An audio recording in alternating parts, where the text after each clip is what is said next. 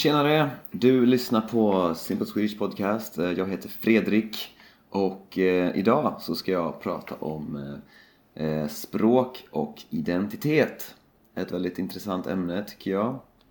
Ehm, eh, Jag ska först gå igenom lite patrons, jag ska göra lite reklam för mig själv och jag ska eh, gå igenom ett par uttryck som jag använder i avsnittet. Ehm, så om du är intresserad av transkript till alla avsnitt, då kan du bli Patreon. Ehm, och jag har några nya eh, Patrons här. Ehm, det är Thomas, Jacques, Gustav, Erik, Rabia, Maximilian, Aneta och Natalia. Ganska många nya idag. Superkul! Eh, Tusen tack till er. Ni, ni får eh, såklart transkript till alla avsnitt man kan också få tillgång till ett chattrum där man kan prata med mig och alla andra. Ehm, jag har också en Instagramkanal, swedish.linguist. Eh, gå och följ mig där och eh, du kan också gå in på min hemsida swedishlinguist.com och där kan du också läsa mer om kursen Strong Swedish Eh, för dig som är på en medelnivå och vill nå en avancerad nivå.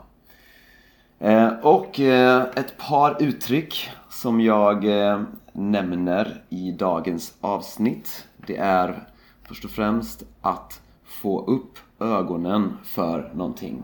Så att få upp ögonen för någonting det betyder helt enkelt att man blir intresserad av någonting. Det är liksom någonting har fångat ens uppmärksamhet och man, eh, man har liksom blivit intresserad av. Det kan vara en artist till exempel. Ja, jag har fått upp ögonen för en ny artist eller en ny författare som man liksom har blivit intresserad av. Och så har vi att höra hemma någonstans. Och att höra hemma någonstans, eh, till exempel om jag säger att jag hör inte hemma i Sverige, ja, det betyder att Sverige är inte rätt plats för mig. Det känns inte som jag borde vara i Sverige, liksom. jag, hör in, jag hör inte hemma där. Ja. Nu, nu känner jag inte det, utan jag känner att jag hör hemma i Sverige, även om jag inte bor där och vill inte bo där. Men det känns fortfarande som att jag hör hemma där och här i Spanien. Eh, hör hemma, det kan också betyda till exempel man kan säga att jag, jag tycker inte att fåglar hör hemma i bur. Så jag tycker inte att fåglar borde sitta i bur utan jag tycker de borde eh, vara fria och fly, flyga fritt så att jag tycker fåglar hör hemma eh, i friheten, liksom, inte i en bur. Eh, vissa människor tycker att, att invandrare inte hör hemma i deras land eh, men, och då kan man säga att jag tycker inte rasism hör hemma i, i mitt land så en, ena personen säger att ja, jag tycker inte att invandrare ska vara här, de hör inte hemma här. En annan person kan säga jag tycker inte att rasism eh, ska vara här, så att rasism hör inte hemma här. Så det är att höra hemma. Och en sak till eh, som jag vill säga som är viktig det är att just nu så är det en eh, julrea, en julkampanj på kursen Strong Swedish så eh, du kan få 20% rabatt eh, fram tills den, eh, förs, den, den första januari nästa år, alltså fram tills den första januari 2022. Eh, så för att se hur du får den rabatten, eh, gå in eh, på min Instagram, swedish.linguist och där kan du läsa hur du kan få 20% rabatt på kursen Strong Swedish. Yes, men då tar vi och lyssnar på dagens avsnitt. Ja, hallå! Det här blir ett väldigt improviserat avsnitt. Jag har inte förberett något transkript eller liknande eller inte ens några anteckningar. Eh, men jag vill prata om ett ämne som jag har tänkt på ganska mycket det senaste. Eh, och det är eh, kopplingen mellan språk och identitet. Och ju mer jag tänker på det desto mer tydligt blir det. Ehm, och det kan vara många olika sätt. Jag tänkte till exempel på jag, pratade om det här med en eh, snubbe ganska nyligen. Ehm, och han eh, berättade liksom lite sin ehm, historia om det här. För jag frågade honom eftersom han han har bott i olika länder och pratar olika språk. Han kommer från Algeriet. Eh, Algeriet alltså i norra Afrika och eh, han flyttade till Dubai och i Dubai lärde han sig engelska. Och han sa att eh, att lära sig engelska det liksom öppnade en ny värld för honom och eh, det förändrade hans identitet väldigt mycket för att eh, han sa att det fanns han kunde läsa saker på engelska som inte fanns på arabiska. Så, så han liksom så han lärde sig engelska och han liksom fick han, han, eh, han kände sig mer som sig själv med det språket och han utvecklade liksom en, en ny identitet tillsammans med eh, det nya språket med, tillsammans med engelska. Eh, och eh, jag kan ta mig själv som exempel. Alltså liksom jag känner liksom, känslan av att vara jag, liksom, hur jag känner mig det är lite olika beroende på om jag pratar svenska eller engelska. Eh, eller något annat språk också för den delen. Eh, men svenska och engelska pratar jag eh, helt flytande liksom. Så, att, så, jag, jag, kan verkligen känna att jag har en personlighet som, är, ja, som skiljer sig lite beroende på om jag pratar svenska eller engelska. Så, och en, till exempel eh, med engelska så, så känner jag mig eh, lite mer självsäker. Liksom. Jag, det känns, jag känner mig lite mer avslappnad, lite mer självsäker, lite mer, kanske liksom lite mer självförtroende. Liksom. Eh, och det tror jag har att göra med att jag har gått igenom väldigt mycket självutveckling på engelska. Eh, och jag associerar engelska mer med liksom den personen som jag har blivit liksom efter att jag eh, har liksom flyttat utomlands och bott på olika platser och liksom gått igenom självutveckling, eh, byggt självförtroende och, och, och liksom byggt en ny identitet. Så jag har ju, jag har ju definitivt förändrats mycket och min identitet har förändrats mycket ja, de senaste tio åren. Eh, och de senaste tio åren har jag levt ganska mycket på engelska. Eh, medan svenska kanske jag associerar lite mer till eh, som mitt liv var liksom när jag växte upp. Min uppväxt. Eh, och då var jag mycket mer osäker på mig själv och, och sådana saker. Och det är klart att jag har ju pratat svenska i hela mitt liv men det är ändå liksom någon slags skillnad där.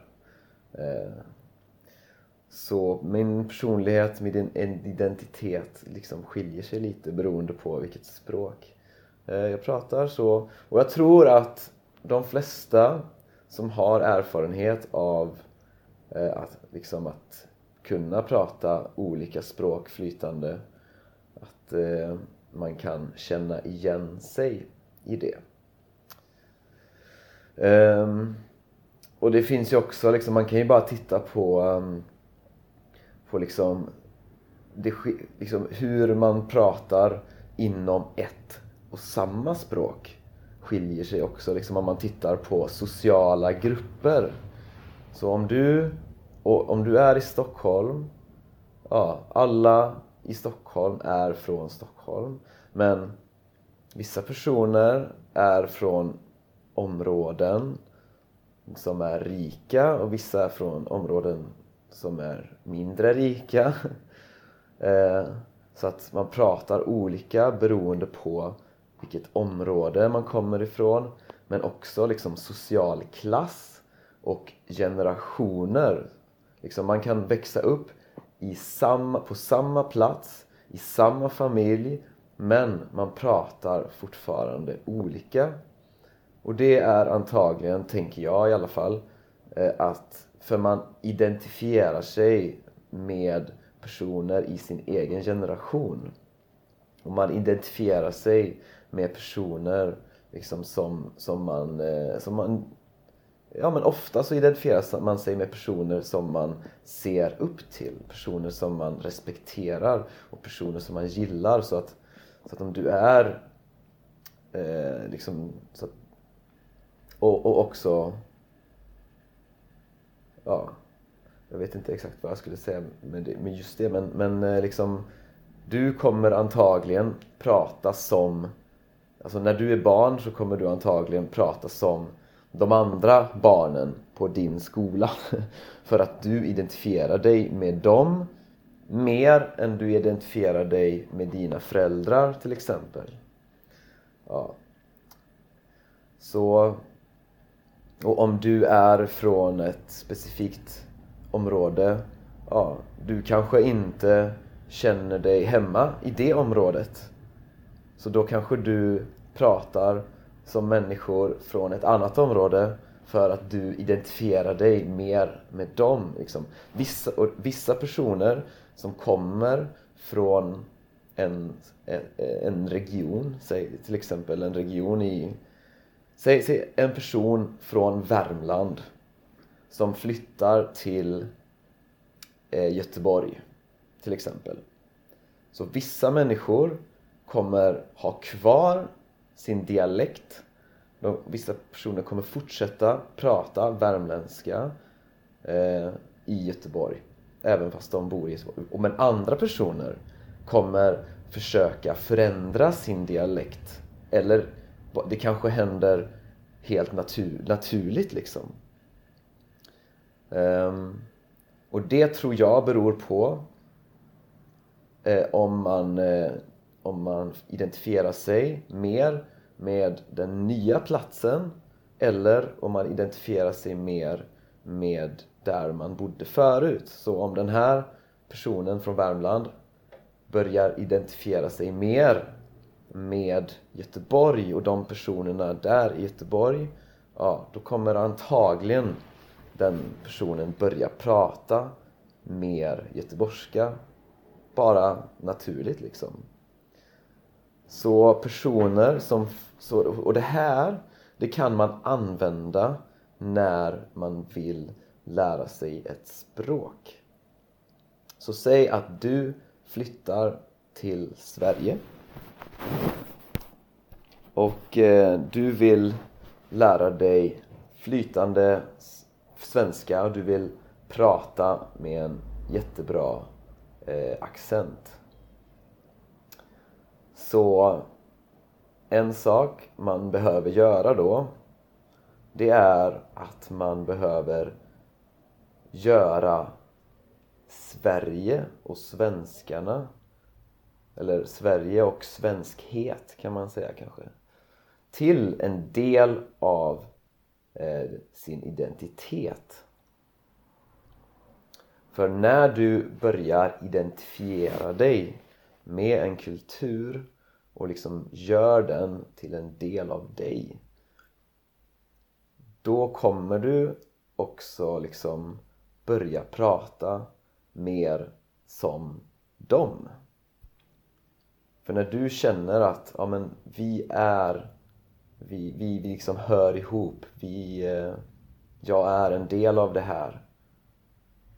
Då kommer du också börja prata på det sättet. och eh, det här tycker jag är jätteintressant. Så att jag har inte tänkt så mycket på det här förut men eh, jag har fått upp ögonen för det ganska nyligen att få upp ögonen för någonting det betyder att liksom, eh, någonting har eh, fått en att uppmärksamma det liksom. jag har börjat uppmärksamma det liksom. jag har fått upp ögonen för det eh, det senaste jag koll, jag, det, till exempel Steven Krashen och för dig, om, om du inte vet vem Steven Krashen är så, så uh, kolla upp Steven Krashen på Youtube, Google. Ja.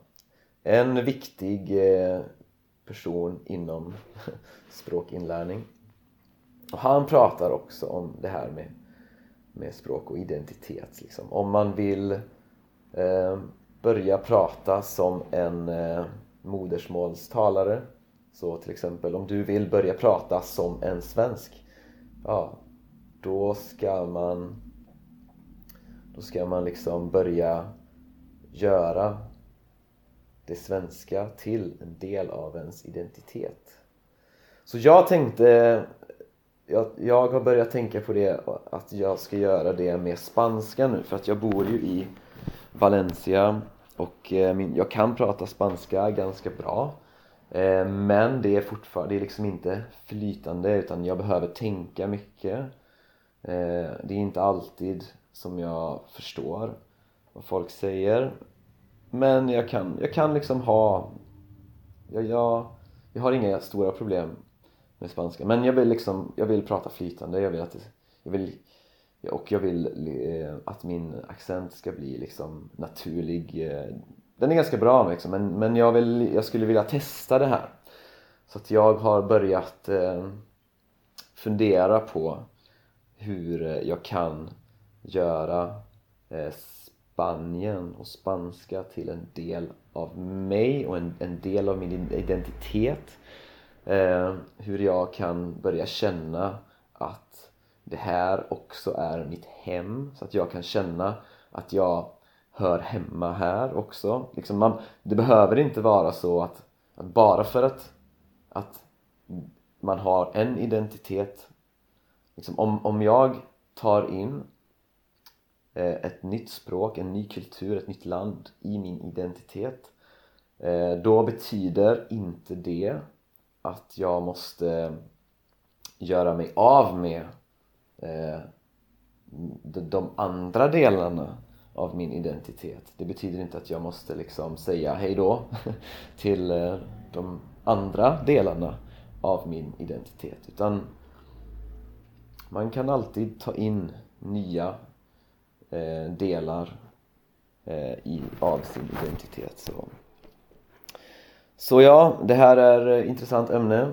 Ehm, eh, skriv gärna till mig på, mm, om, på, på, i Patreon chattrummet om du är eh, Patreon på 10 euro nivån. Eh, annars kan du också skriva till mig på mail eller på Instagram. Min Instagram är swedish.linguist.